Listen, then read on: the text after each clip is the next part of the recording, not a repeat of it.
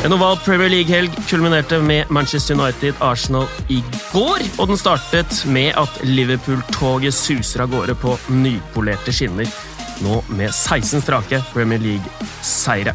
Det har blitt eh, påpekt at eh, keepernes eh, viktigste egenskap er å være bra med ballen i beina, men hvis man da er glimrende med ballen i beina og samtidig kaster baller i mål, så bør man kanskje heller spille ute. VAR-feiringer har blitt en trend i Premier League. Aurier og McGinn de kolonnekjører etter nestoren i Juventus, Cristiano Ronaldo, og introduserer dette i Premier League. Det er mye å ta tak i, og hva vi eh, kommer til å ta tak i, det får vel egentlig den neste timen vise. Det som er helt sikkert, det er i hvert fall at mens katten er borte, så danser musene på bordet. Mens Kasper er borte, så har jeg i hvert fall invitert til en hjemme alene-fest eh, her, med en tropp jeg er veldig fornøyd med. Simen har sett alle kampene fra okay. Premier League, Serie A og La Liga den helgen. Og Jeg har ikke noe liv Jeg har ikke noe liv ellers. Jeg Du har ikke det? Nei, jeg har ikke det. Nei, jo, jeg har det. Men jeg, jeg har ikke sett alt. Altså, det er sånn Når man sitter på en lørdag i Premier League-studio, så ser man tre fotballkamper. Så har man et halvt øye på resten av de som går klokka fire. Men da jeg, jeg går hjem og gjør andre ting. Nå så jeg faktisk på spansk fotball, og det var drita kjedelig lørdag kveld. Men eh, nei, jeg har, sett, jeg har ikke sett alle kampene, men jeg har fått med highlights i hvert fall, og sett fem kamper. Du satt der i sta... Altså, på, fra begynnelsen eh, av eh, lørdagen. Mm. Eh, søndag var du i Premier League-studio, og så var du i eh, studio på Sevilla Ja, gøy. Real Sociedad, som var en bra kamp. Ja, det var gøy. ja. Og så var det kveldskamp i går, og da litt friidrett i tillegg. Så det blir mye sport, da. Det er deilig. Jeg liker det veldig godt, og øh, skal vi Vi trenger ikke å starte oppsummeringa av helga helt ennå, kanskje. Det gjør vi ikke. Det gjør vi ikke. Det er uhøflig å ikke introdusere gjestene våre. Der er vi veldig heldige. Vi har eh, Kristoffer Dahl her, som gikk til Lyn som 18-åring da de var hete i Eliteserien. Han spilte på U21-landslaget. Derfra så klarte du faktisk å slå deg inn på Se og Hør sin kåring over topp ti mest sexy fotballspillere i landet, sammen med Fredo Santos og Martin Andresen. Du hadde på denne tiden mye interesse rundt deg fra bl.a.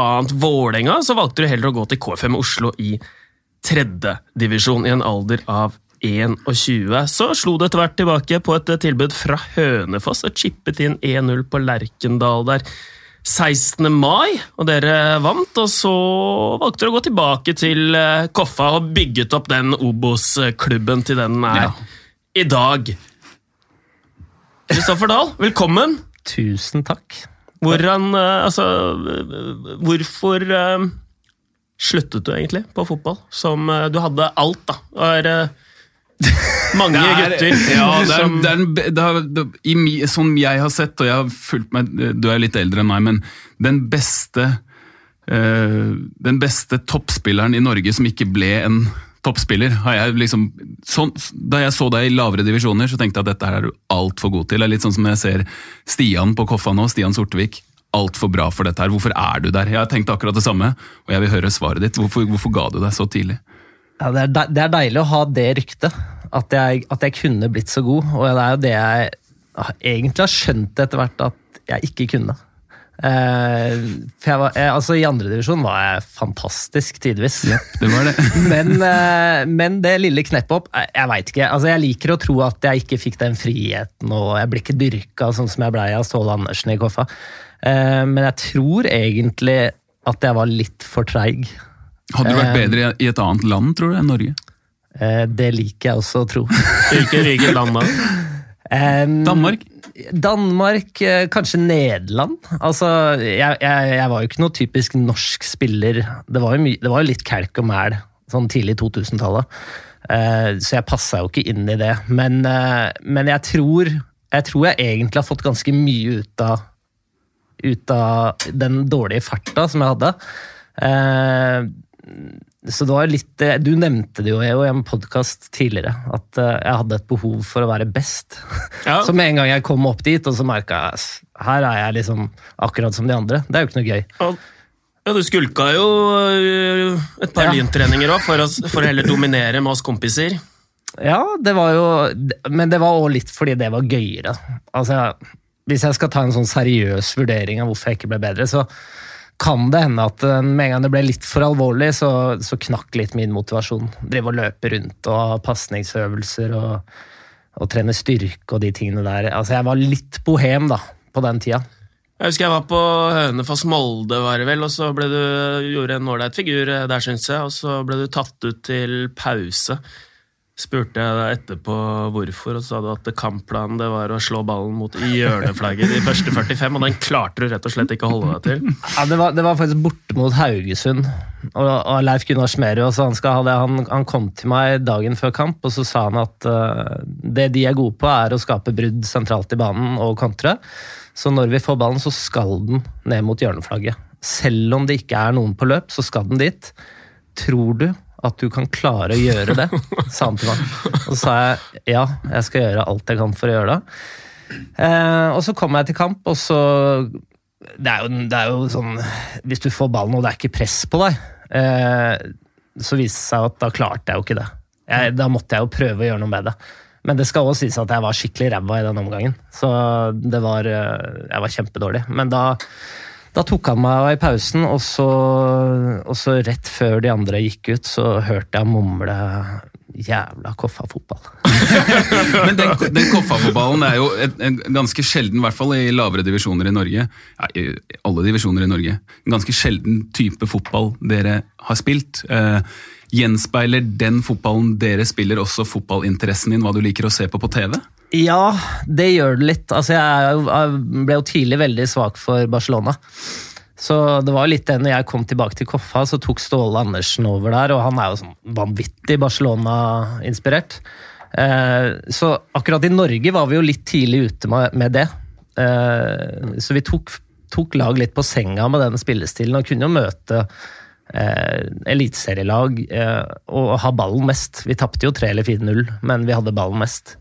Um, så det var ineffektivt som bare det, men utrolig gøy da, når man er midtbanespiller. Liker du det du har sett da i Premier League de siste årene, hvor det spilles mer fotball langs bakken?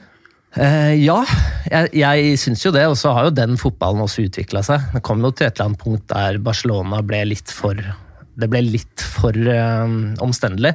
Så både Pep og Klopp og disse har jo tatt det et steg videre. Det er jo men jeg liker den tankegangen om at man ikke skal fram eh, ved første anledning. Mm. At man heller bearbeider motstanderen og tar de gode gjennombruddene. Det finnes jo også britiske trenere som, som, praktiserer en litt annerledes fotball enn hva de gjorde, de som kommer opp mm. nå. Eddie Howe, for Bournemouth, Graham Potter for Brighton. Brighton har jo flest pasninger nesten i hver mm. eneste kamp de spiller, f.eks. Det har i hvert fall vært en utvikling de siste tre-fire åra. Absolutt, og vi skal jo tilbake med mer mye ballbesittelse på deg nå i åpningen, Kristoffer.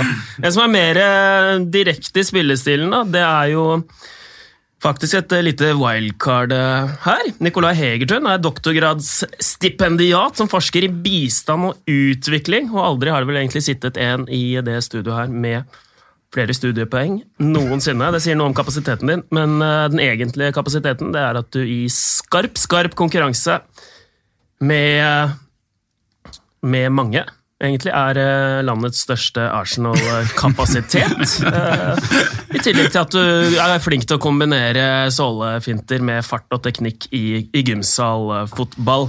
Eh, så det er egentlig grunnen til at du er her. Det er at du er en jeg ringer ukentlig for å få litt god, god Arsenal-informasjon og du skal øse egentlig din livsvisdom eh, og gi oss dine perspektiver her. Du er velkommen skal du være, Nikolai. Takk for det, Takk for det Endre. Eh, hvordan er det egentlig å være Arsenal-supporter? Jeg, si, jeg vil si det er kanskje Arsenal er kanskje den perfekte klubben å, å være supporter for. Og det, det, det mener jeg seriøst, fordi, fordi Arsenal det er, du er ikke da en, en sånn supporter av en svær mastodont. En pengeklubb, ikke sant? en kjøpeklubb à la altså, er, Jeg kan nevne mange eksempler. men, eh, du, du, ikke nevne. Ikke, nei, men du har, du har Real Madrid, du har Barcelona, du har PSG, du har City, du har til og med Chelsea, vil jeg si. ikke sant? Den, eh, men, men, grunnen til at det er så perfekt å være Arsenal-supporter, er at du heller ikke holder med et, et møkkalag som aldri vinner noe. Eh, du har nok av de også, eh, og det må jo være litt kjedelig å alltid gå i ørkenen. Eh, og sånn som f.eks. Tottenham. Men, men, men, men, hvert år da, med Arsenal så kan det gå. Det kan bli utrolig bra. Og Samtidig så kan Arsenal også slå de aller beste lagene. Og de kan spille fantastisk fotball. Og de har noen utrolig kule spillere. Så det er utrolig mye lidelse, men fantastiske, genuine gleder også. og, og, det er litt sånn jevnt fordelt utover. Du blir ikke skuffa hvis du ikke, ikke vinner serien. ikke sant? Sånn som en del ikke sant? Så, så det, er, det, er, en fantastisk klubb å være supporter av. Det, det, er ikke så lenge siden du slutta å bli skuffa for å ikke vinne serien. Nå er det jo de to beste lagene er best, og kanskje det har vært sånn i, siden altså den Leicester-sesongen. Den skulle jo Arsenal ha tatt. Ja, jeg, Tre år siden, da. Ja, jeg er fullstendig klar over det. Eh, men da, da, var på en måte Arsenal allerede på en sånn litt sånn nedadgående kurve som hadde vart lenge. Det var, det var, det var da det starta med Wenger out. Det var vel omtrent ja, året før der, eller noe sånt, så begynte det å hviskes og tiskes litt. Og så ja. kom noen plakater. Ja.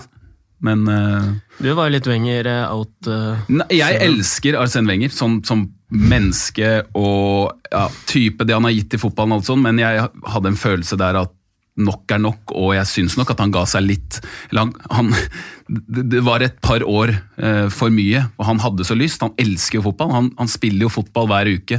Han, mm. se, han ser alt. Han mm. ser alt av fotball, han har sen mm. Wenger. Så han, han, tror jeg er sånn, han har lyst tilbake, mm. selv om det ikke nødvendigvis er så veldig lett å finne rett klubb for han nå. Hvor skal han gå? Eh, hvor bra er det for ettermælet hans osv. Men, men eh, jeg tror det var, eh, det var riktig at han dro. Og han var jo en, en, mann som, Det må jo være litt eh, tungt også for en mann som på mange måter revolusjonerte mye fotball da han var der, og, se at det prosjektet hans ikke, ikke sant, mister etter hvert mer og mer glans. Og, men, det, men, ja. du, du, du, er inne på noe, det, det må jeg si. Eh, og apropos eh, spillemateriale, virker som de har det veldig eh, gøy, altså. Det er, det er meget publikumsvennlig gruppe, sånn sett. Lacassette og Gunduzi og Aubameyang og alt. Eh, bare, bare spille inn Kristoffer eh, Dahl, for du, eh, du var jo Blackburn-supporter, og så ble du Manchester United-supporter, og for to år siden ble du Arsenal-supporter. Det er riktig utvikling. Ja, altså det, det, der er en, det er en, det, det er en stygg historie, men altså, jeg har jo levd et troløst supporterliv i England. Altså, jeg starta som ManU-supporter, ble Blackburn-supporter rundt 94.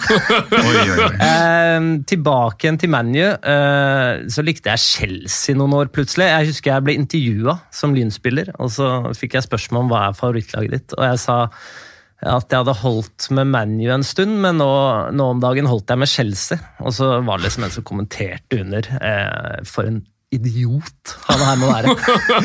og det er jo helt riktig, men, eh, men, det ender jo på en måte litt vakkert ved at eh, sønnen min når han er sju år, som sitter bak her nå. Mm. Um, kommer hjem en dag, og så vil han ha et favorittlag i England. Og det står da av en annen grunn mellom Tottenham og Arsenal.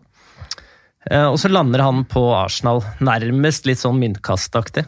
Uh, men, og da har jeg blitt dratt med på det, da. Det pleier jo å være motsatt, at en mm. far gir en drakt eller en onkel, som det ofte er. Men her har jeg blitt med han, og jeg merker at det begynner å vokse fram en litt sånn ekte kjærlighet i det. Er... Og jeg har jo ikke da kommet inn på toppen. Jeg har jo virkelig kommet inn når de starta og går skikkelig dårlig. Mm. Så det er, jo, det er, jo, tungt, men eh, det, det er, eh, jeg det liker det som skjer inni meg om dagen. Ja, det, høres uh, veldig godt ut. Eh, litt bare kjapt tilbake til deg, Nikolai, for du, du, er mye Afrika, faktisk. Fordi du driver med den, eh, det doktorgradsopplegget ditt der. Hvordan er Premier League-interessen der nede? Den er jo enorm. og har, I Afrika så har de noen, som, eh, noen, kanaler som heter Supersport, som er i de aller fleste afrikanske land. Og det er seks-syv kanaler som viser absolutt all idrett. Mm. Så, så, hver gang jeg er i Afrika, så får jeg sett utrolig mye. Um, Hvilke land er du i? Nei, det, det er, Jeg er stort sett mest i øst og i sørlig Afrika. altså Det kan være Kenya, Sør-Sudan, det kan være Malawi, eh, Sør-Afrika og sånne ting. Og Arsenal må jeg si, det er jo helt enormt. ikke sant? Arsenal mm. de var tidlig ute med å hente en del afrikanske briller. Mange av de fra Vest-Afrika, men allikevel, det var stort for eh, jeg tror mange afrikanere. Så det er utrolig mange Arsenal-drakter. så det er en genial icebreaker da, når du er, enten om du er i en eller annen eh, finansdepartement eller om det er politikk eller ikke, og, dra, uh, dra, opp, noen gamle Arsenal-spillere. og Dra opp Eboe fra hatten der, eller uh, Frimpong eller Traoré eller hva det skal være. Eller Gervinho. Eller, nei, så, så det, det, er, ja, det, er, stort. Og det her har jo, altså det er noe man ser nå i Afrika, er jo at Kina har jo skjønt dette for å ta en liten geopolitisk sving der. Liksom. Ja, det er lov, det. Og, det er derfor du er her. Ja, det, og det må jeg si, De siste sånn, 10-20 åra har Kina Kina bygd helt massivt med stadioner, fotballstadioner i nesten alle afrikanske land. De har bygd over 50 stadioner. og Det er jo enorme stadioner også. Og det er jo Hvorfor gjør de det? De sier at det er en gave til disse afrikanske landene, men Kina driver bygger seg opp sånn diplomatisk da, og geopolitisk i Afrika. Og, og, det er jo mye som følger i kjølvannet. Er jo, de er jo interessert i naturressurser som Afrika er store på, og det er handelsavtaler og sånn, men noe av det viktigste er at det de ønsker fra disse afrikanske landene for å få en stadion, og gjerne kanskje et parlamentsbygg og en motorvei, det er at de eh, sier at det er bare ett Kina. Og Taiwan er da, for de som kjenner historien, i dag er det 70 år siden Kina ble etablert den, mm. altså Folkerepublikken. Mm. Og Det skjedde da i 1949, at eh, kommunistene vant borgerkrigen i 1949. og Da måtte helt, eh, altså millioner av mennesker flykte, eh, som da holdt med da den, det sittende regimet i Kina, over til Taiwan. Og Det var jo lenge sånn at Taiwan var egentlig det egentlige Kina. og, dette, og dette har fortsatt da implikasjoner for Afrika i dag. og De som får en fotballstadion, de må si at nei, vi sier at Taiwan ikke er Kina, det er bare fastlandskina, kommunistiske Kina, som er Kina. Så får de en fotballstadion. Det er litt, litt, enkle, ja.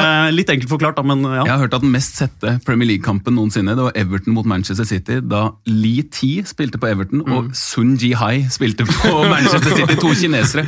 Men siden eh, du er eh, sånn eh, bistandsmann og Arsenal-mann, mm. hvorfor står det Visit Rwanda på, uh, overarmen til, til Arsenal? Jeg, jeg får det ikke til å henge på greip. Det er ganske enkelt forklart. Kagame, som er president i Rwanda, han er en fantastisk Arsenal-supporter. Han elsker Arsenal, og han har for å si det sånn, da, det, du kan vel kalle det et diktatur, eh, eller i hvert fall et veldig autoritært regime. Det er, eh, det, er mange meninger om det, men han har, han har, ganske god kontroll på hva som skjer med, med, det landet, Rwanda. De har hatt fantastisk utvikling på alle mulige eh, indikatorer for helse, for utdanning osv. etter folkemordet. Og nå gjør de det ganske bra. Det er, en, det er, faktisk sånn at IMF og Verdensbanken sier at det er bedre å investere for investor og business i Rwanda enn i Italia. Mm. Og, og, der er Kagame sitter han på toppen, og han elsker Arsenal, og han sponser da Arsenal. Arsenal. Mens uh, Gir Norge bistand til Rwanda? Norge har blant annet gitt eh, bistand altså Norge gir bistand til eh, nå er det vel rundt 90 land, men ja. de har gitt til 116 land for veldig få år siden. Så det er de aller fleste land. Det er 40, i underkant av 40 milliarder vi gir i bistand hvert år. Så, så du, har, du har ikke tall på hva vi gir til Rwanda og hva Rwanda gir videre til Arsenal. så det er, Norge sponser Arsenal via en liten omvei der? Det er i så fall noe som har sneket seg eh, mellom uh, definisjonen på hva som egentlig er bistand. i så fall, Men ja. uh, det er ganske, er ganske, tette skott der, tror jeg, så det går bra. Det Deilig. For det. Deilig at vi Snakke litt fotball, da. Ja, at vi har, Nå er noe for alle altså, i uh, åpningen her. Nå er det jo sånn med fotball og ellers i livet er at det siste som har skjedd, det er jo det man husker best, på godt og vondt. Manchester United, Arsenal 1-1.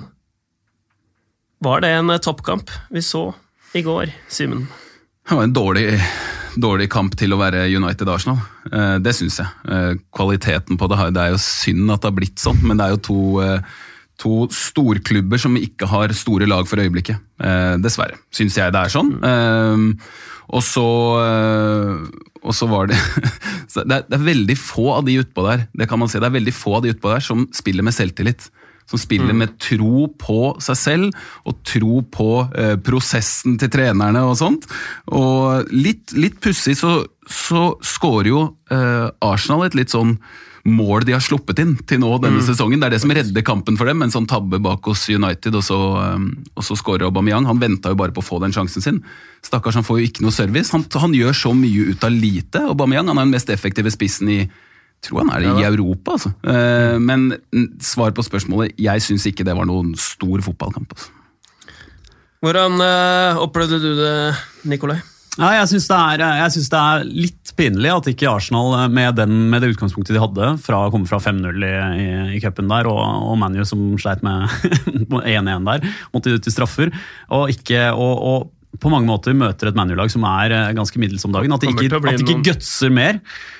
Sorry, United. Um, Kommer til å bli noen reaksjoner etter det, altså, men får bare la ja, det passere. Ja, yes. ja, eh, nei, jeg, jeg syns de jeg, jeg, For all del, altså, altså United hadde, hadde, kanskje fortjent å vinne, men uh, at ikke Arsenal satser mer altså de, de kommer litt med samme tilnærming synes jeg, som de kom nesten mot, mot Liverpool. Altså Mot Liverpool så kunne det funka å ligge bakpå. De hadde noen fantastiske målsjanser, faktisk, men her syns jeg de er, de er tunge bakpå. Den midtbanen med Toreira, Sjaka og Guendouzi, som, som blir en slags altså Det eneste de blir, er en slags buffer for det usikre forsvaret, nesten. Samme som mot Tottenham. Var det ikke de som starta mot Tottenham, så kommer Ceballos inn? Ja, ja. Og med en gang Ceballos kommer inn, så ser man at de kan spille ut lag. Ja. Det, det er som om de ikke veit hva de skal gjøre før de får kniven på strupen. Altså, De, de må komme bakpå før de spiller ordentlig og satser fremover. Og da kommer Ceballos innpå, og så altså Øzil var ikke engang i troppen. altså sånn, den, altså sånn, eh, Det virker som han er eh, altså det er, Den balansen på midtbanen til Arsenal den, den er utrolig dårlig om dagen. Og ja, Vil- Vil du sette Ceballos og Øzil i uh, elveren til Arsenal? Uh, Ja, i hvert fall Ceballos. Øzil, han kan jo Han ser jo av og til ut som han ikke har lyst til å være der. Men, eh, men Ceballos syns jeg, selv om han kanskje ikke gjorde et fantastisk innhopp nå, jeg syns det skjer noe med Arsenal hver gang han spiller der. De tre gutta som starta, jeg syns det blir eh, Særlig Gundosi og Sjaka synes jeg blir for tungt. Det går for sakte. Eh, Ceballos vil i hvert fall litt. Um, så han har jo hatt Ceballos noen- er jo klasse. ja, han har hatt noen kjempekamper, syns jeg. Eh, når jeg så han første matchen hvor, de, hvor han hadde to assists ja, da, da tenkte jeg jo at han kan bli en hit. Mm. Eh, men jeg syns jo ikke han har fått veldig mye tillit. Det virker som at, uh, som at Emery setter opp lag så veldig etter motstander. I Ja. stedet for at de bare skal spille sin fotball og, og, og, og gjøre det kamp etter kamp, og så heller ta noen tap og noen smeller. Da, så virker det som at han er så innmari opptatt av hvem de møter. Ja, og det her, eh, Vi snakka så vidt om det i stad, men jeg, jeg liker egentlig ikke å sitte og, og slenge sånn her om at hvorfor spiller han ikke med det laget og sånn, men med Arsenal så syns jeg veldig ofte jeg tenker hvorfor setter han opp det laget her?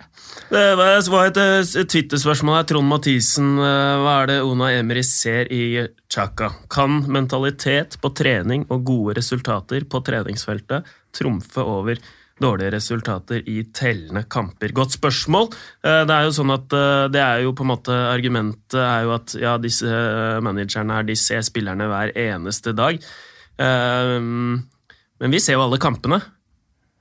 Kan noen gi Trond Mathisen og meg en forklaring på, på Chaka? Jeg kan ikke det. Jeg, er jo, jeg, jeg sa jo det før han hadde spilt en kamp for Arsenal, at han er ikke det de trenger. Og han, han har jo vært mye dårligere enn jeg trodde. For jeg trodde at han var en, en eh, spiller som var bra på ting som Arsenal egentlig ikke trengte, som de hadde fra før av da. Eh, Men så kunne jo ikke Santi Casorla spille fotball mer. eh, Og så viste det seg at El Neni var ikke like bra som jeg trodde han kunne bli. Og så har Chaka blitt en nøkkelspiller. Eh, Jeg har hele tida tenkt at de trenger en som tar litt større plass på banen positivt, i positiv forstand. Han, er jo, han topper jo alle statistikker. Han har ballen mest, han takler mest, og alt sånn, men han mister jo ballen mest òg. Og han, eh, han rører fryktelig i måten han eh, posisjonerer seg på. Han passer ikke på forsvaret sitt. Og er det ett forsvar som må passes på av de eh, oppe i toppen her, så er det jo Arsenal sitt.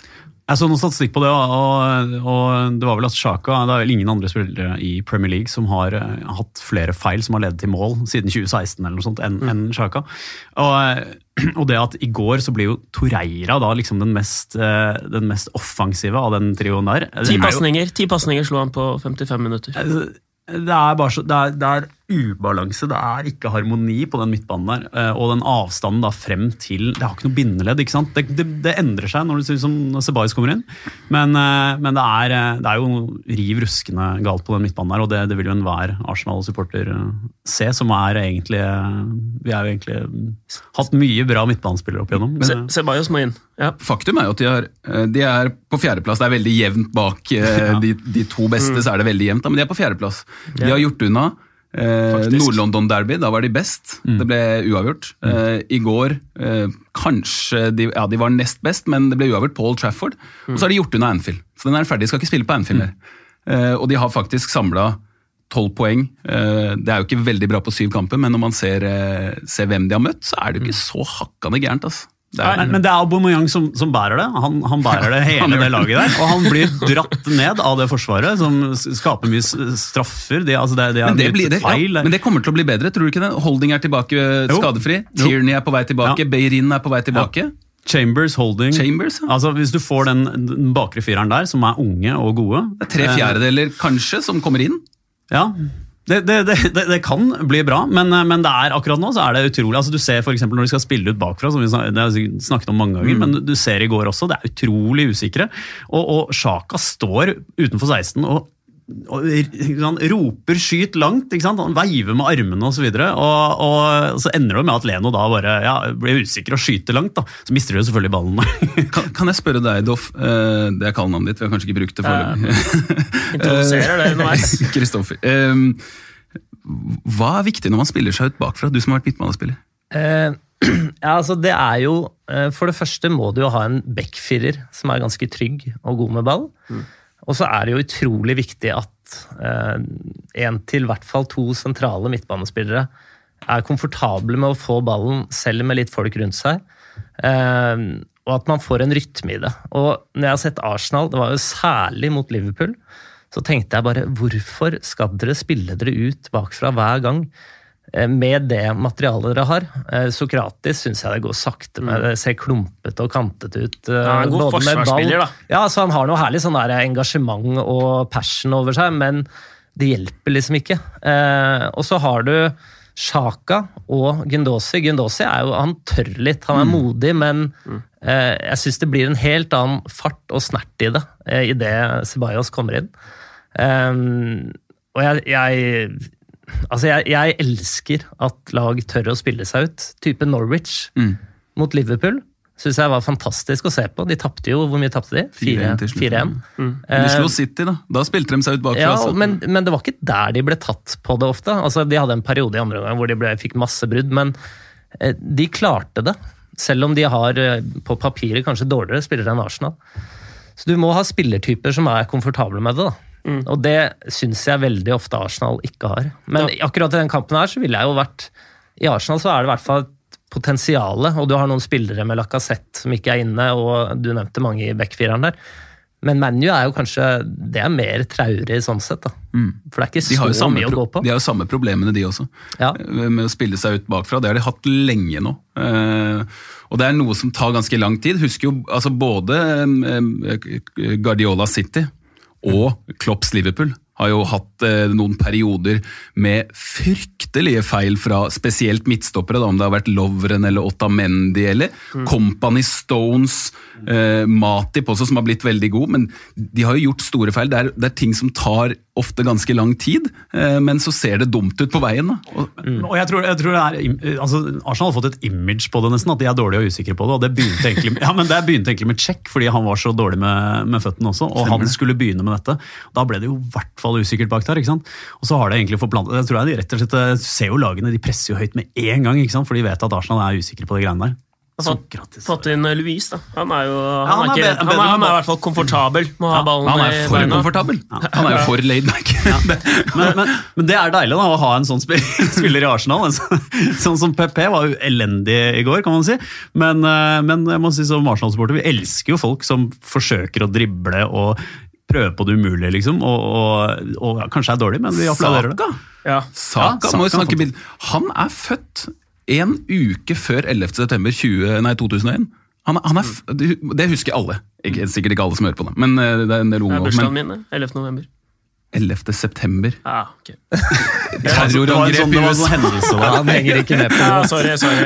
Men det husker du. Det husker det terrorangrepet. Veldig, godt poeng. Ja, Veie opp geopolitikken der. Han er født 5. september, tror jeg det er 2001. Da, da føler jeg meg så gammel. Altså. Men han, han turte.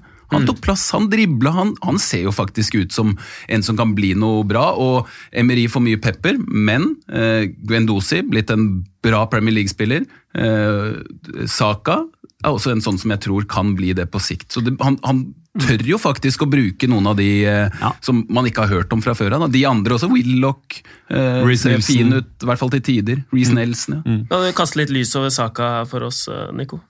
Nei, det er ikke mye lys å kaste. Han er, eh, han er jo bare han har kommet opp the ranks, liksom. Eh, han er jo ung engelsk og han har spilt på ulike landslag og sånn som egentlig Willoch og, og Reece Nilsen og gutta har fulgt hverandre ganske, ganske lenge. Og Emil Smith Rowe og så videre. Så de har en utrolig mm. bra uh, egentlig stamme med britiske spillere som er uh, utrolig Maitland Niles, ja, Maitland Niles for, Stakkars Maitland Niles, som alltid må spille høyreback, men som egentlig er en veldig elegant midtbanespiller. Mm. er det løsningen? Bytte han, Få han opp på sentral midtbane. Ja, ja, det har, jo, det, har, det, det har vi jo sagt i mange år, mange av oss, men, eh, men eh, det, det, skjer jo ikke. Så det, jeg, vet, jeg, vet, ikke hva Det er som du sier, da. Det, virker som om Emery ser på motstander og setter opp eh, laget etter det. Altså. Det, er, det er litt trist. Men spennende er det i hvert fall. Vi skal ikke dvele sånn altfor mye lenger ved det her. Manchester United ja. Mm, ja, nei, det er det. Bare fortsett. Mangler de en leder? Ja, altså Det tror jeg. Jeg tror de mangler veldig veldig mye. Men uh, nå er det jo det er 28 kamper da, under Solskjær.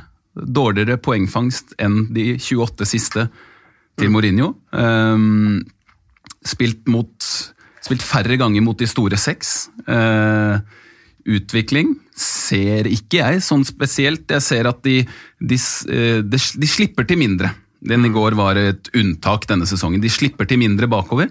Men framover, de herre eh, Andreas Pereira eh, Daniel James er for så vidt frisk, men det går litt i rykk og napp. Jesse Lingard skaper ingen verdens ting, mm. og Marcus Rashford har ikke selvtillit. og, og han, Der går det også veldig i rykk og napp. altså Når han har perioder, så ser han helt outstanding ut, men det går ganske lang tid eh, før han finner selvtilliten igjen og, og gjør det bra.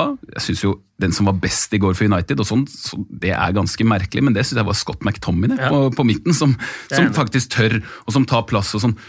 Pog, Pogba ser jo ikke ut nå, han har kommet akkurat tilbake fra skade, da. men så bra han var da Solskjær tok over, og så average han er nå, det, det ryster meg litt. Altså, det, han ser liksom ikke inspirert ut i det hele tatt. Det var på hengende håret at han fikk ballen istedenfor på skuddet som ble 1-0. da. Pogba, det var, han, han strakk seg etter Men uh, McTomney han var, han var, bra. Han kjørte faktisk den kampen her nesten på egen hånd uh, mot slutten. Så det er uh, Skal vi la den ligge nå? Ja, Vi kan gå videre. Det er jo ja. mange andre kamper. da. Det er veldig mange andre kamper. Runden starter jo med Sheffield United mot Liverpool på Bramall Lane. Og Liverpool klarte å karre til seg 1-0 eh, der. Du så kampen, Kristoffer. Hva synes du om den? Eh, nei, altså det er jo Liverpool er jo De har jo en dårlig dag. Eh, men det er jo litt det som jeg tenker er, er styrken deres nå òg. Altså, de har hatt mange kjempebra matcher.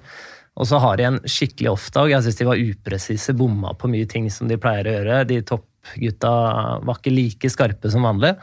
Og så klarer de likevel å vinne 1-0. Og Det er jo litt sånn som det skjedde også noen matcher i fjor, hvor uh, Sheffield United har jo en kjempesjanse rett mm. før, uh, før, Liverpool går opp og skårer. Uh, men det er, det er, jo imponerende på et vis, selv om kampen var dårlig synes jeg, fra Liverpool sin side. Og så var det imponerende av Sheffield United. Jeg synes ja, De hadde masse trøkk og fortjente jo egentlig å få med seg noe fra den matchen. Men det var som en Twitter-melding jeg så, hvor du kan altså Liverpool er litt der nå at du kan slenge dem ned i et gap på en krokodille, og de vil komme ut med et Lacoste-sponsorat. eller hva det sto. Eh, altså, de har, de har flyt, da.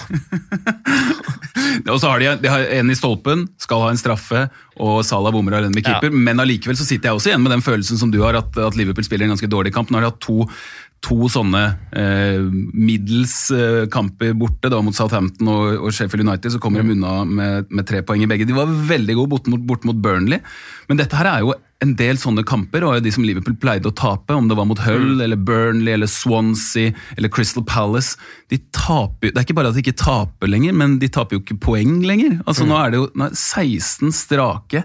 Eh, jeg hadde aldri i verden trodde at Liverpool skulle bli så bra som det de har blitt nå. Eh, så har de eh, Leicester hjemme. Tar de den, så kan de tangere rekorden til Manchester City for 18 strake ligaseiere, og det kan de gjøre på Old Trafford. Skal ikke forskuttere det, for Leicester er et bra lag, men mm. det, ser, det, ser, jo så bra ut for Liverpool i Premier League nå. Apropos Manchester United, eh, da den utleide keeper Dean Henderson med en ganske graverende tabbe der. Sheffield United-keeper Chris Wilder han sa jo dette om uh, keepertabben. Jeg, ikke, jeg, kommer ikke til å legge armene mine rundt han. Han må enkelt og greit bli bedre. Han må konsentrere seg uh, bedre. Det er, uh, dette var en skuffende dag for han hvis han ønsker å spille på topplag. Hvis han ønsker å spille for England, og disse tingene har han sagt selv. Bedre. Og disse tingene har Henderson sagt selv.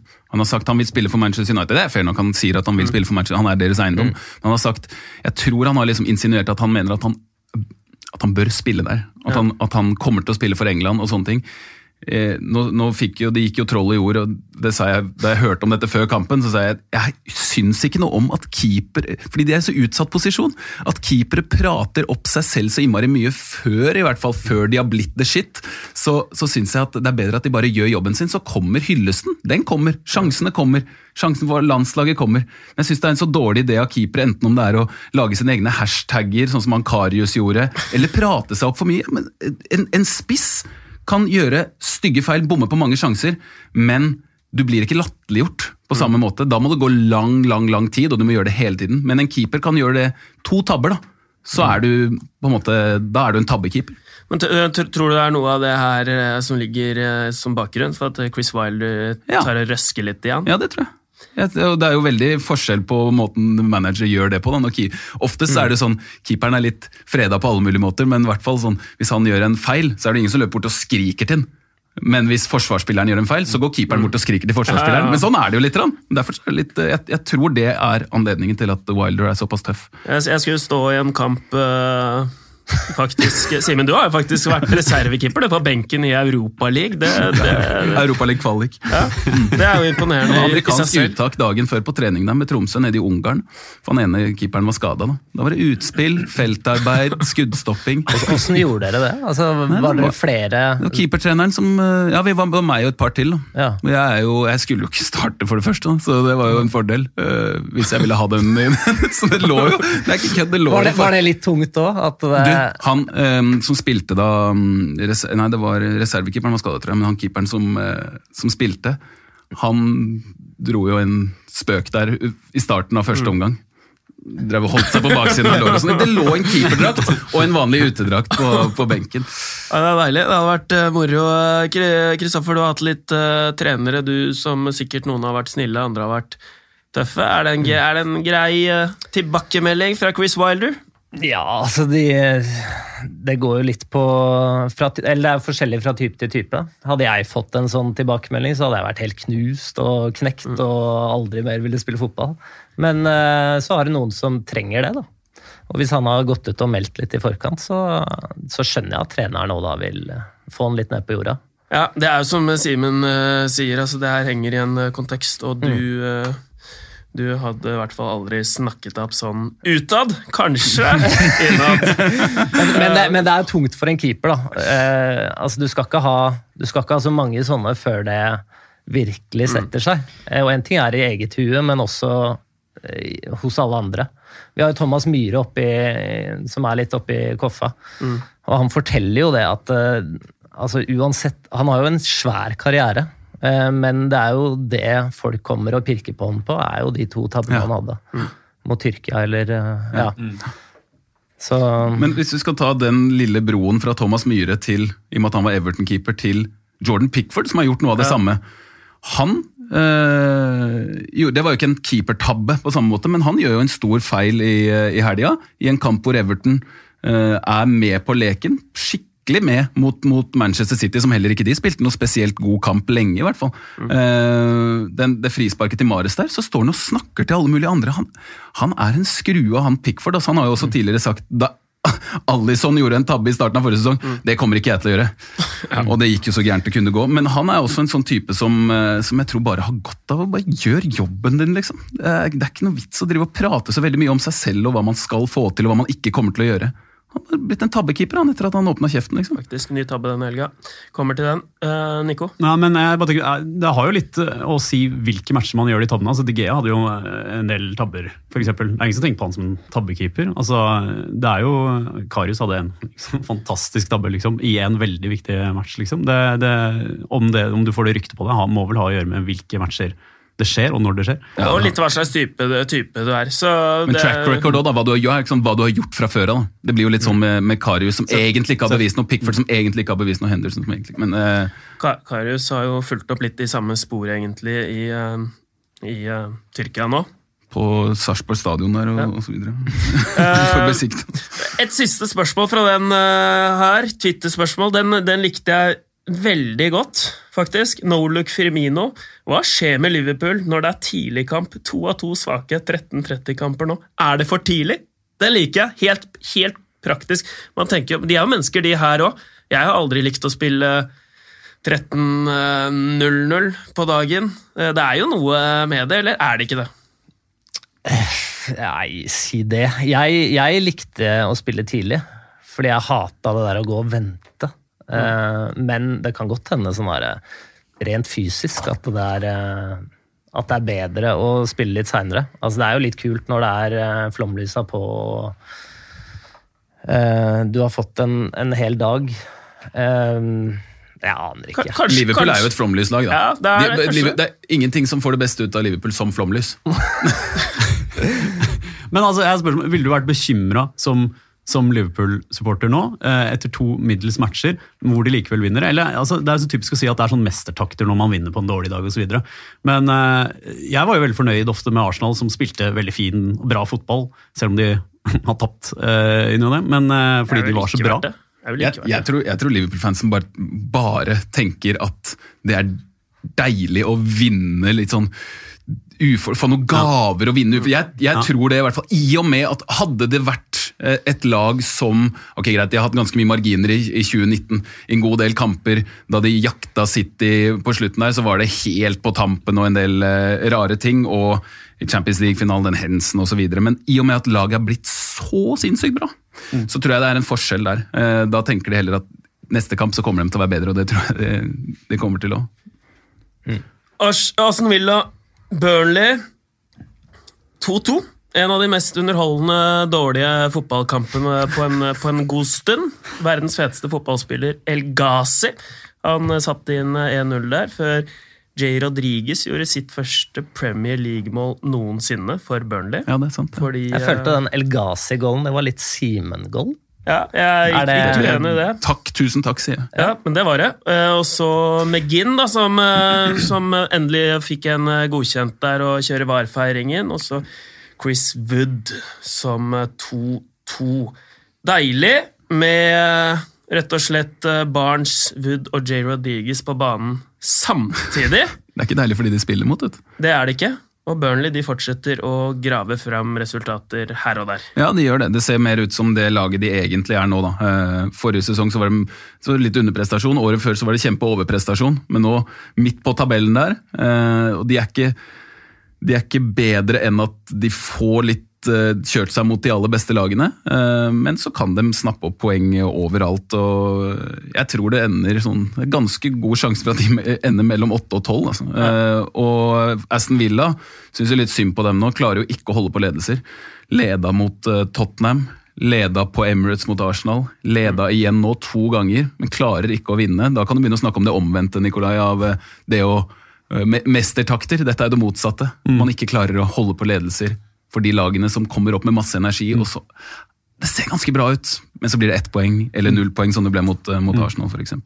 Jeg må si Personlig syns jeg den El Ghazi-goalen var, den var helt utrolig. For det er en, det er en slags tap-in-volley med yttersiden av høyre fot. Med, altså Innlegget kommer fra høyresiden også. Hvis man ser den, eh, altså Den var helt fantastisk. Det er utrolig godt gjort, egentlig. Flere observasjoner fra den eh, Ja, det, nei, det er vanskelig å komme opp observasjoner. Hver gang jeg ser Villa, så ser jeg bare på han Grealish og de der eh, Har han Han leggskinn, har han leggskinn eller har han ikke leggskinn? Han Altså, har legger, iallfall. han har legger, han er fantastisk. Det er kanskje det han, det, er kanskje det han vil vise. da Men altså, de er utrolig små. i hvert fall Minner meg om da jeg spilte for Koffa i sjette div. Da vi la inn sånne brosjyrer, for jeg hadde ikke leggskinn. så vi la inn sånne EO, Koffa-brosjyrer. Du er Jeg er veldig forkjemper for eh, det, er jeg òg. Så det er, eh, det er rett og slett fire, eh, fire innlegg, fire mål. ja, nei, Det er utrolig stort å se på Grealish. eh, Synes det er utrolig stilig, og han gjør veldig mye riktig. Det er, det er generelt et veldig artig fotballag, det Aston Villa-laget. Så hvis de klarer å grave fram litt mer eh, robusthet, så skal det bli moro å følge dem. Bournemouth-Westham 2-2. Jarmolenko er i eh, kanonform. Han er tilbake. King med mål og assist, og Cresswell følger også opp en scoring fra United-kampen med ny hær. Og eh, det er jo alltid moro når Bournemouth spiller hjemme, Simen. Ja, det blir alltid, nesten alltid mye mål. Men eh, nå har Joshua King bytta posisjon, og han gjør det veldig bra der. Spiller venstre kant i 4-4-2. Og da begynner jeg selvfølgelig å tenke litt på landslaget. da. Nå er det jo ikke lenge igjen til vi spiller avgjørende kamper. Det er jo først nå i høst. altså Det skal veldig mye til for at vi klarer gjennom den vanlige EM-kvaliken, men så er det Nations League, og da tenker jeg Er det ikke herlig hvis han kan spille der. Og så kan vi ha kanskje, hvis det funker med Mathias Nordmann på høyre, Selnes og Berge som sitter, Ødegård bak Braut Haaland. Men, men Joshua King kom i hvert fall på rundens lag hos, eh, hos veldig mange. Jeg så ikke hele den kampen, men jeg registrerer at han rad, nå har han begynt, når han starta sesongen sin for alvor, er, eh, han, han tar med seg ballen, og så frakter han den. Det er få spillere som er så gode på å bare dytte ballen foran seg, og så får han ofte frispark. Da. Han er jo ikke noe lekker spiller, men han er en maskin, og det er vanskelig å spille mot han, eh, tror jeg. Det, det ser i hvert fall sånn ut. Det er mye kraft og fart der, altså. Han eh, skal eh, absolutt eh, få sin fortjente hyllest. Pellegrini rasende på Bournemouth sin assistenttrener. Mener at han er borte fra første minutt for å pirke i fjerdedommeren, og mener at det er en trend, og at han ikke trenger det. Vi bare lar den henge før vi går til Chelsea-Brighton 2-0. Jorginho med en signaturstraffe William setter sin første for sesongen. Målgivende Hudson Odoi, som er tilbake. Webster han klovner det til og lager straffe også. Det er første gang eh, det Chelsea-laget her holder nullen under Lampard, eh, tror jeg. Og det ser jo ikke veldig solid ut bakover der likevel.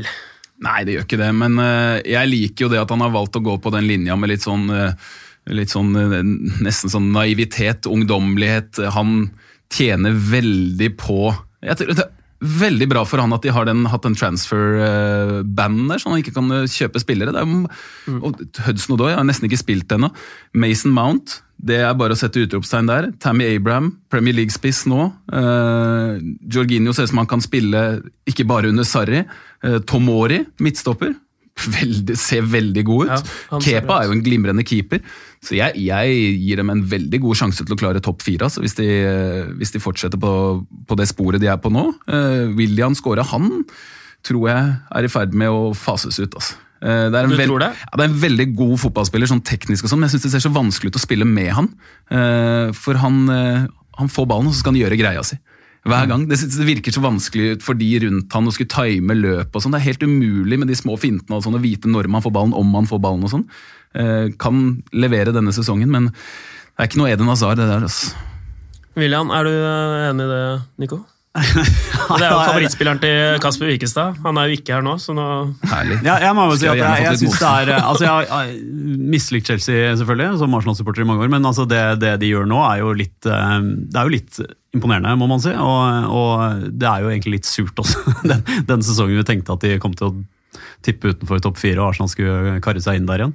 Så eh, nei, det er litt skummelt. Men eh, jeg, jeg, har sansen for William. Jeg syns han ser eh, pigg ut. Jeg syns han ser frisk ut, faktisk. Så jeg ble litt overrasket over at du sa fase ut. Jeg forventet nesten at Jeg trodde du skulle si Jeg tror William nå kommer til å virkelig levere, og så sa du fases ut. Ja, altså, jeg ble òg litt overraska. William er sånn spiller jeg, jeg blir litt overraska hver gang jeg ser Chelsea. Så tenker jeg ja, William er god, altså. Du er jo du er en eh, relasjonsspiller, Kristoffer. Ja, jeg hadde sikkert hata å spille med han, men, eh, men man trenger jo noen sånne òg, da. Man gjør det? Ja, altså En ting er eh, med type frispilling bakfra. Eh, og possession, det kan, man, det kan man klare, men man må ha noen på siste tredjedel som kan, kan gjøre det litt ekstra. Eh, og han er jo absolutt en sånn type. Ja, og folk, folk begynner å bli lei av akademispillere som er skolerte og som gjør akkurat det man eh, forventer. Trenger, man trenger litt sånne uortodokse gutter som kan gjøre det siste, siste ekstra. Så mm, vi får se hvem som har eh, rett, egentlig. Det er jo det som er litt uh, moro. Det er jo ikke om å gjøre å ha rett. Vi ønsker jo William eh, alt, uh, all hell og lykke uansett. Vi gjør det. eh, Ja. Jeg er veldig enig i utropstegnene bak Mason Mount. Fin spiller, ass. Mm, han er det. Ser ut som han har, spilt i Premier League lenge. Han bare koser seg. han. Ja. Det gjør han. Vi, vi haster videre. Crystal Palace Norwich 2-0. Milivojevic og Townsend skårer der for en straffe. Faktisk ikke, ikke Sa som skaffer den denne gangen. Hva er det med Crystal Palace egentlig, som gjør at de klarer å De, de, de er jo helt uforutsigbare. Jeg likte Morten Langli sin, eh, sitt oddstips før den kampen. Norwich er uforutsigbare også, men ja. de slår de beste. Og så gjør de seg bort litt mot de nest beste, men eh, Roy Hodgson, han klarer de kampa der, tror jeg det var Langli sa. Men, men eh, det, er jo, det, er jo, en brukbar base der, liksom. Men, eh, men eh, når du har en spiller som er så mye bedre enn alle de andre, det tror jeg var utrolig bra med den kampen her. At Saha Så du 2-0-målet? Det der dribleraidet og så at det blir mål av det, og at Andros Townsend anerkjenner Saha, peker rett på mm. han og løper til han, akkurat som at det var Saha sitt mål, det tror jeg betyr mye for han. Uh, han er jo uforutsigbar, uh, så ja. jeg tror det, har, det, er noe av svaret. Uh, og at la, kampene deres er det litt sånn som når Burnley spiller, kampene deres er ofte jevne. Når de begynner å vinne kamper eller tippe det til sin fordel, så sprer det seg en god følelse i laget, mens, mens motsatte er sånn som det var forrige sesong for Crystal Palace hjemme. De klarte jo ikke å vinne hjemme. De burde jo være et lag som mm. vinner ofte hjemme, men da var det en sånn negativ spiral igjen. Men jeg syns det er liksom et tegn på at de gjør Sellers Park til et fort igjen. i hvert fall. Ja. Og der ser man Sa er jo litt sånn Han er jo vanskelig å forholde seg til, uh, type. Så kan være sånne spillere. Sånn som han har alltid tenkt ja, det er store klubber som vil ha han. Arsenal ville vel ha han før eh, sesongen, men eh, for hans del så tror jeg det faktisk lønner seg å være klart best i et mindre bra lag. I dag hadde du tatt eh, Saha eller PP?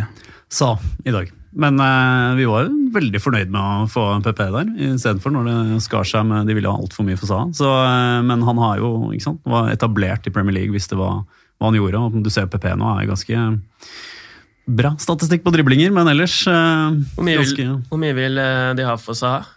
Husker jeg ikke farta, men det var mye. Altså. Det var mye. Ja.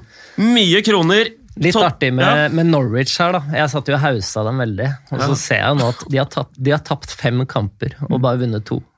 Så det er jo tydeligvis ikke så effektivt, det der possession-greiene. Nei, de to, de to, kampene var det pukkershowet hjemme mot eh, Newcastle, og så var det den City-seieren. Ellers har de tapt alt. Ja, og så var de gode mot Liverpool. Ja, det Men, men eh, det er jo De skal slite, de, da. De skal slite, men de kommer også til å bli behørig dekket i denne podkasten. Det er ingen fare for det. Her, så det, det trenger vi ikke bekymre oss eh, for. Tottenham Southampton 2-1. Ndombele som skårer. Varfeiring sammen med Aurier, som vel fikk skåringen annullert eh, mot Leicester. Mot Leicester. Danny Ings straffer eh, en av de groveste keepertabbene jeg har sett noensinne fra Laurice. Laurice følger opp med en glimrende kamp eh, for øvrig, og Kane setter inn 2-1. Jeg satt og kommenterte den kampen her, fikk også med meg studiosendingen. Det har vært en del rykter om uh, dårlig samhold i Spurs-leiren, og Pochettino sa at det tar tid å bygge opp uh, samholdet. Du satt i Bergen og forsvarte det og mener samholdet er bra. Hvis jeg skal legge ord i munnen på det, kan du utdype det, Simen? Jeg syns i hvert fall det så ut som det var spillere som brydde seg. Det er lenge, sånn Tottenham har eh, lenge nå hatt god kjemi, virker det som, i, eh, i spillergruppa. Eh, alt det som lekker ut av om det er på Instagram eller altså, Det ser ut som det er veldig sammensveisa. Både utlendingene og de som var der fra før av, går veldig godt sammen. Uh, og det har jeg ikke sett noe tegn til at det har blitt dårligere siste, den siste tiden. Uh, men så er det den Christian Eriksen-situasjonen uh, som egentlig topper seg når For Jon Børrestad spurte jo Harry Kane i intervjusonen i starten av sesongen, da Eriksen var, var benka, om ja, kommer du til å savne han, liksom? Såpass rett fram, da. Så var det sånn. Det, det tror jeg ikke de likte så veldig godt, da. Men da, da ville jo ikke Kane svare ordentlig på det, men før denne kampen så gikk han ut og sa at, eh, at de, de, de, tåler ikke å ha spillere med egne agendaer, og her må de gå sammen og, og gjøre det for laget. Og øh, denne kampen, med ti mann lenge, var jo egentlig et om, om det finnes noe bevis i én kamp, på at jo, de gjorde det sammen. Det var en skikkelig lagseier. At de klarte å På 1-1, eh, da var det én mann mindre og, og vinne 2-1. Og da hadde Eriksen en målgivende til Kane i tillegg, så det hjelper jo. Men eh, jeg syns det der var gode signaler, i hvert fall fra Tottenham. Hva er det du skulle hatt uh, i Arsenal-laget fra dette Spurs-laget? Nei, det, det, det er tungt å, tungt å, snakke om eh, Tottenham. Jeg skal ikke si så mye. Det er, det er, eh, men det som er interessant med Tottenham, er at de, de, ligner jo egentlig veldig mye på hvordan Arsenal har vært uh, en del år. Etablert seg i topp fire, spiller bra fotball. Vinner ikke så mye trofeer og sånn, men, men, det Arsenal var hele den perioden her, var jo også et, ikke sant, det var et farmelag for City, og de, de, de sendte så mange stjerner ut. ikke sant, Men her har Tottenham klart å hvert fall, Kanskje med nød og neppe nå, men allikevel beholdt stjernene. Uh, får se hvor lenge, og om det varer, da, hvis de ikke vinner ting etter hvert. Men uh, som Arsenal-supporter så håper jeg det sprekker snart. Loris han holder seg i hvert fall til eh, kampplanen til Pochettino. Pochettino tar jo skylda for at denne tabben skjedde. Vi liker litt slik forsøk på ballbehandling helt bakerst, eller? Ja, det er jeg litt usikker på, faktisk. det, var en, det var en nesten identisk situasjon med den han hadde i VM-finalen. Ja. og så er det det er seks minutter etter at Tottenham har fått, fått rødt kort. Eh, så det å sette laget sitt i den situasjonen, det er jo egentlig det er sterkt av Tottenham da å komme tilbake og vinne. Men, eh, og han gjør jo masse gode redninger. Og det er kapteinen i tillegg. Da, ja, nei, jeg, altså jeg syns det er eh, det, jeg, jeg, digger det når det går. Og så når det bommer sånn, så ser det jo ikke bra ut, da. Men det er, det, det er faktisk Altså Satt og hadde den kampen her, og det virket som alt skulle rakne der på de på de seks minuttene. Så, så, de viser jo at de har eh, ryggrad og, og samhold, som Simen sier, når de faktisk klarer å komme tilbake. Og så skader det ikke å ha Kane der oppe, oppe heller.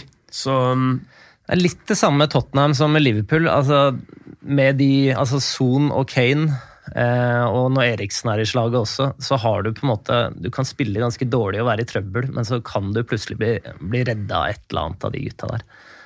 Det er sånn med Liverpool òg.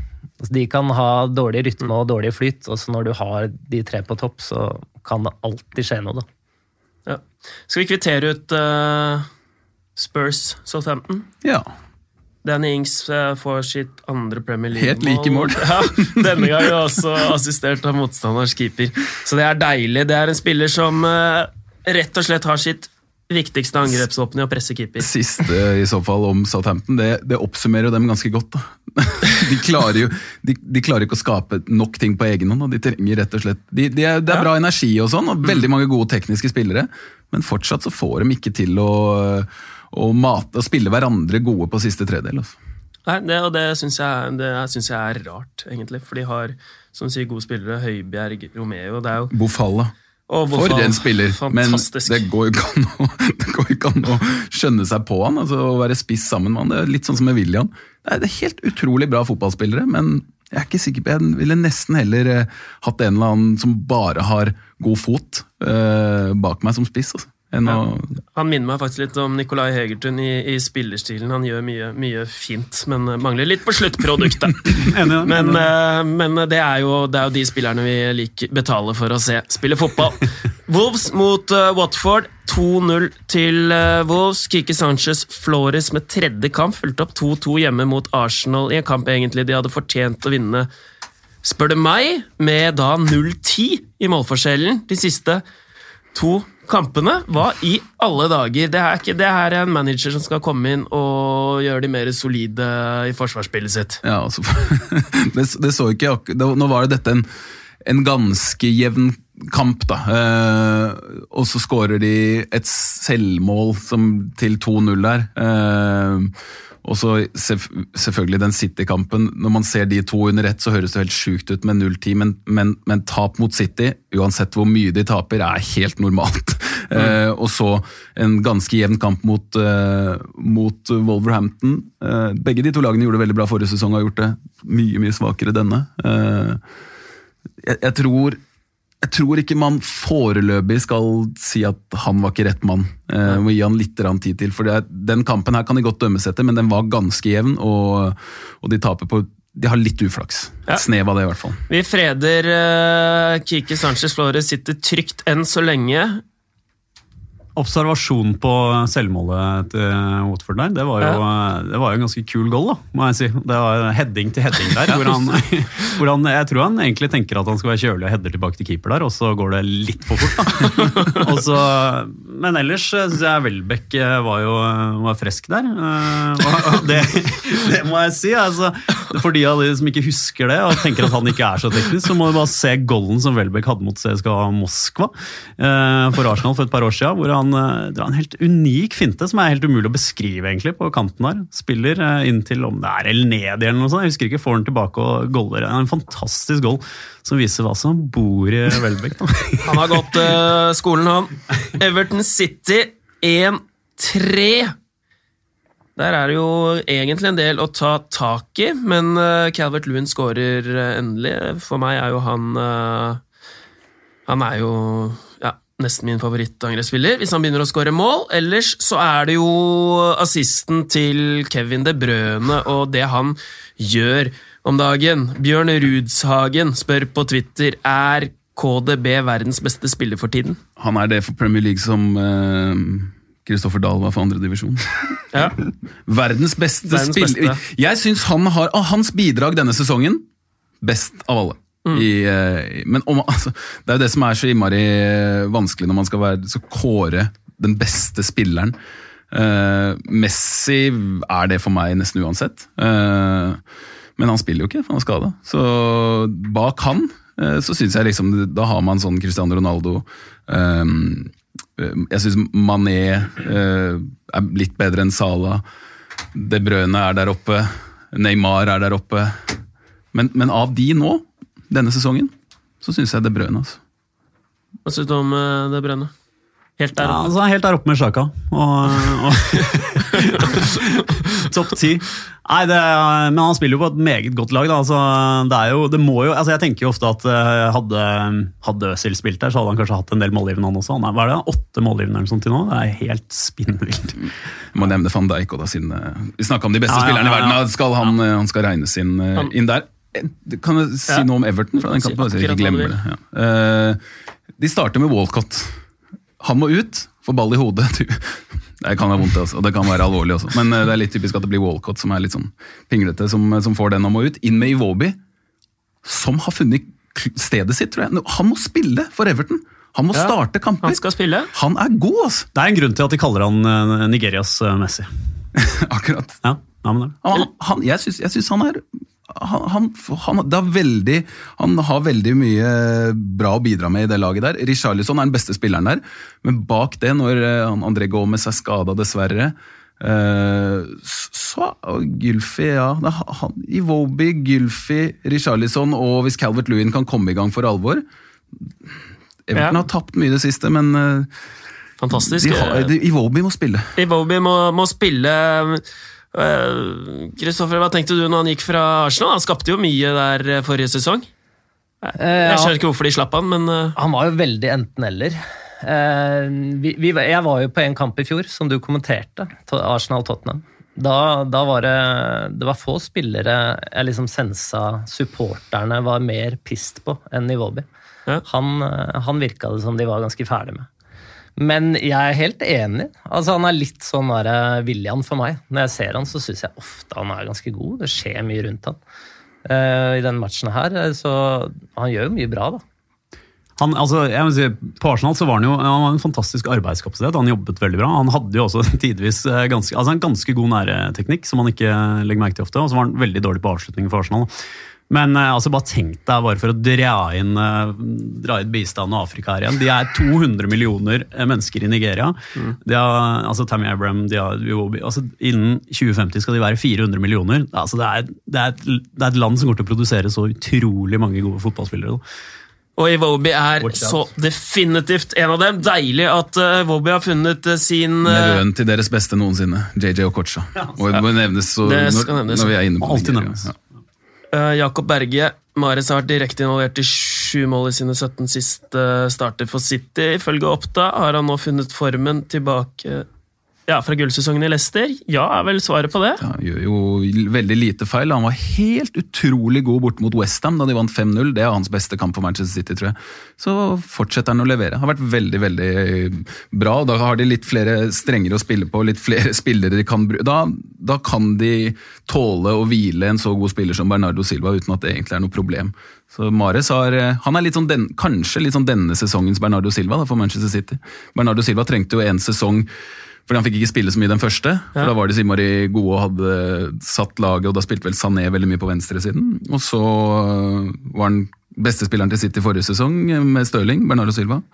Mares starta veldig, veldig bra. Spilte på seg go godt med selvtillit i Afrikamesterskapet også, som han vant. Han drev jo fram der nesten på egen hånd, selv om han hadde gode lagkamerater. David Silva nådde sin 200. seier i Premier League i sin 289. kamp. Den spilleren som kjappest har klart det. Kort ord om eh, David Silva. Du får ett ord for å beskrive han. Legende. Deilig. Leicester Newcastle 5-1. Her må vi faktisk eh, stoppe litt eh, opp. Det er vel eh, 5-0, for å være helt presis. Newcastle skåra et mål, men det var feil mål. ja, stemmer. Det var eh, Dummet som valgte å se sitt snitt. Eh, Hvor gode er egentlig Lester Leicester? Er det, er de topp tre? Er de topp fire? Er de topp seks? Topp seks, eh, godt mulig. ass. Det, de er de reelle utfordrere til topp seks, ingen tvil om det. Men nå skal det jo sies at før denne kampen her, så hadde de jo fått veldig god uttelling. De hadde få avslutninger, men så har det hjelper å ha han luringen på topp der, som gjør mye ut av lite. Det gjorde han denne kampen også. Uh, Vardi er veldig effektiv. Eh, de klarte seg uten James Madison. Eh, det tror jeg egentlig var kanskje det viktigste med denne kampen, var at eh, før, før den så snakka man veldig mye om åh, hvordan kommer det til å gå nå med Madison. Han er jo den som skaper alt. Men så får jo så, så, så ser det ganske låst ut i starten, og så da Pereira og gjør ting helt på egen hånd og skårer, og da løser det seg. Og spesielt etter at Hayden får det dumme røde kortet, så er det bare Alt åpner seg, og de kan, de kan eh, spille ut Newcastle og altså, kose seg til, eh, til 5-0, men eh, så gode på en måte er det ikke. Dette er den største seieren deres i, øverste ligaen siden 1987. Men jeg liker, jeg liker veldig godt setupen deres. De har bra midtstopperpar. eh, god keeper og bra midtstopperpar. Gode offensive backer. De har Ndidi som passer på. Nå scorer han også, faktisk. Han er god på huet. Madison og Tielemanns ved siden av på hver sin side av han, litt lenger fram. Kantene er litt ujevne, men så har de Vardi framme. Litt tynn tropp, men det laget der skal jo fint kunne utfordre hvert altså de, de blir fort topp seks. Altså. Det er vel det laget som har sluppet inn færrest mål, da. Det tror jeg. Sammen med Liverpool. Liverpool, Ja, og det var et eh, Twitter-spørsmål, egentlig. Jeg husker ikke hvem som spurte det. Hvorfor har Forsvaret blitt eh, bedre etter at eh, Maguire har forlatt dem? Har de det? Er det noe med selvtilliten i hele laget, kanskje? Nei, han Suyuncu har jo vært kjempebra. Han var veldig god. De, Newcastle hadde ingen avslutninger på mål, men de måtte spille lenge med ti mann. Men, men han har jo ikke vært noe dårligere enn det altså, har ikke vært noe dårligere enn Maguire. Uh, og Maguire har et uh, Han er en kjempegod midtstopper, for all del. Men, uh, men det var jo ikke han som på en måte var den eneste gode forsvarsspilleren hos Leicester. Jeg tror de kunne tatt nesten hvem som helst av de i den fireren bak der, sånn som det er nå, og putta dem inn i Manchester United. Det er lett, lett å spille stopper, da. det er lett å spille stopper. Er det det, eller? Nei, jeg, nei, jeg, jeg, jeg slenger det ut. Men jeg, jeg tror jo eh, Maguire er, er bra. Men jeg tror det er lettere å erstatte en, en god stopper enn en De Bruyne, f.eks. Ja. De eh, vokser, det, det, KDB vokser jo ikke, ikke på trær. eh. Men eh, Leicester de, har, eh, de hadde uflaks mot Manchester United, vil jeg velge å påstå. Uflaks mot Chelsea. Litt flaks mot Tottenham. Det Litt, ja. var, det var millimeter. Ja, det skal, det skal sies, men de, har egen, de er på tredjeplass nå. De har ikke fått så mye mer enn de har fortjent. Så de har egentlig kanskje fått mindre òg. Så jeg, jeg, jeg mener det er de bedre enn Arsenal i øyeblikket, Nikolai. Kan i hvert fall si at eh, Jeg er litt uenig i det Kristoffer Dahl sier om at det er lett å erstatte forsvarsspiller. Det, det kan man jo se på Arsenal. Og, Det er sant, det, det, er veldig, det er veldig vanskelig, skal jeg faktisk si. det. Så det nei, de er, de, er, de er jo veldig gode, og de har jo Vardy på topp, som eh, er eh, Det var jo mange som sa at Aubameyang og han ligner litt, og de kalte han til og med en, The Gabonese uh, Jame Vardy en stund. Uh, så de, de, de, har, eh, de har lignende styrke på topp, i hvert fall. Det er ganske jevnt der, vil jeg si. Men får jo, man får jo se litt styrke, eller hvor gode de er nå. Først lørdag mot Liverpool. Og så skal jo Det er jo først en, en måneds tid til, da, men da er det Leicester-Arsenal i eh, 9. november. Det er en lenge til, men det er jo en, ja. en artig kamp. Og imellom det så har de Burnley, Southampton, Crystal Palace. Kan, de har gode sjanser til å, til å vise hva de er eh, lagd av, og være helt der oppe før de møter eh, Arsenal i november. Deilig å følge det. Newcastle de har sluppet en trener med europacupklasse, og nå erstattet han med en fra championship, og det synes. Eh, vi bare lar den ligge. Arsenals syv siste. Aldri skjedd! Første gang siden er den sjette spilleren. Fun factsene til Bill Edgar. Bill Edgar, eh, det er jo eh, Kasper sin faste spalte. Han er mye bedre på den enn eh, enn meg, så jeg tror egentlig Fordi jeg har ikke lyst til å ødelegge den spalten, for å være helt ærlig. Men City de vinner fjerde flest dueller i lufta, da, til tross for å ha det korteste laget. Så er det så På fotballbanen er det sånn at størrelsen egentlig ikke har noe å, å si. Ingenting å si, det har, det har litt å si. Men uh, de verste midtstopperne jeg møtte, kan jeg si, da, det var de som, eh, de som ikke var like høye som meg. Jeg syntes det var deilig å møte høye stoppere. De følte at jeg kunne ha overtak på, men sånn litt mindre midtstoppere som var gode på det der å, gi en liten sånn skubb før de går i duellene. For det er jo eh, rart. Hvis en spiss skubber til en forsvarsspiller før man går i en duell, så blir det frispark. Hvis en forsvarsspiller skubber til en eh, spiss, så er det sånn kanskje 20% av gangene, så blir det frispark. Det er, jo de, er de som mener at Tony Adams fant opp det trikset der. Å Ja. skubbe akkurat rett før. Ja. Han, fant, han og eh, backfireren hans fant også på å løfte armen, sånn som Ashley Young gjorde i går. Ja, ja. Hvis de tror det er offside. Eller hvis de, hvis de mister, 90-tallet, det funka så bra! Alle løfta armen offside hver gang! Men nå er det andre tider, ja. Deilig at han får litt sin eh, fortjente hyllest der, eh, eh, Dofferen. Du, du har fått rykte på deg for å være sånn eh, teknisk midtbaneelegant, men kanskje din største styrke det var jo faktisk at du vant veldig mye luft, luftdueller. Du, du er Ja, ikke jeg- veldig jeg høy, du er ikke lufta. spesielt høy. Uh, hva er hemmeligheten? Bare et tips til de som Hemmeligheten lytter. er jo, det er jo timinga, da. Går det an å Eh, trene på det? Jeg tror ikke det. Utrolig, eh, arrogante typer vi her som mener det er lett å erstatte midtstopper og ikke trene på hodedueller. Nei da. Det der er medfødt. Nei, eh, det går sikkert an å trene på, men det er jo kjedelig å trene på, da. Ja. Skal du stå, skal du stå og slå ut fra keeper, da, så time riktig. Finnes- Men jeg tror jo en av grunnene til at City vinner mye i lufta, er jo at eh, de presser høyt, og det blir ofte upresise klareringer, og så er forsvarsspillerne alltid i forkant. Så de vinner mye enkle hodedueller, egentlig. Ja, det, det er egentlig et eh, kjempe, kjempepoeng. Eh, Så kommer da Bill Edgar tilbake ordentlig, med uforminsket styrke, med da Kasper, som også har lagt opp til kåringer. Det var moro å se på. Morata var kjempegod. Hva i all verden? Er. Han snakka ikke om seg sjæl, han snakka om dommeren. Der har vi da ukas eh, kaktus. Har noen noen gode Det må jo være en som fortjener litt eh, hets. Eh, Eirik E. Brådland sier på Twitter 'klink Hayden', hodeløst å gå inn slik for eh, taklingen eh, hans mot Lester. Leicester. Fikk jo eh, rødt. Du Ja, den, eh, jeg, Det er den første jeg tenker på. Jeg mistenker at Nikolai kanskje har Chaka for at han eh, valgte skilpaddestrategien der på skuddet til uh, McTominay. Det det er noen som, det, det går en debatt på Twitter om det, om, om han faktisk bare forsøkte å, faktisk, Å heade, Mm. men at det var en liten såkalt deflection Ja, ja, ja. på, på Sokrates sin fot der som gjorde at det ble Det tror jeg faktisk. ja, jeg, altså, jeg vet ikke, for jeg var, jeg var veldig sint. Det så jo Det stillbildet veldig ser ikke bra ut. Nei, det ser ikke bra ut. Og og i hvert fall da når han akkurat blitt utnevnt kaptein og greier. ikke sant? Det var spillerkåring ikke sant? av hvem som skulle være kaptein. og, og, han, og det er, så, det er altså, så, for å bruke et litt pinlig ord, men stor diskrepans. da, Ganske lang avstand mellom, mellom det supporterne til Arsenal mener om hvem som skal være kaptein, og, og det Emery og, og spillergruppa egentlig går for. Så det er, det, er, det, er, et mysterium. Men jeg ville også gitt han, eh, han den kaktusen. Det og at han river ned spillere. Han skulle vært utvist. Han, eh, han dunker jo til eh, en av Greenwood. Ja, altså, det er mye det, der. det, går, an å forsvare alle.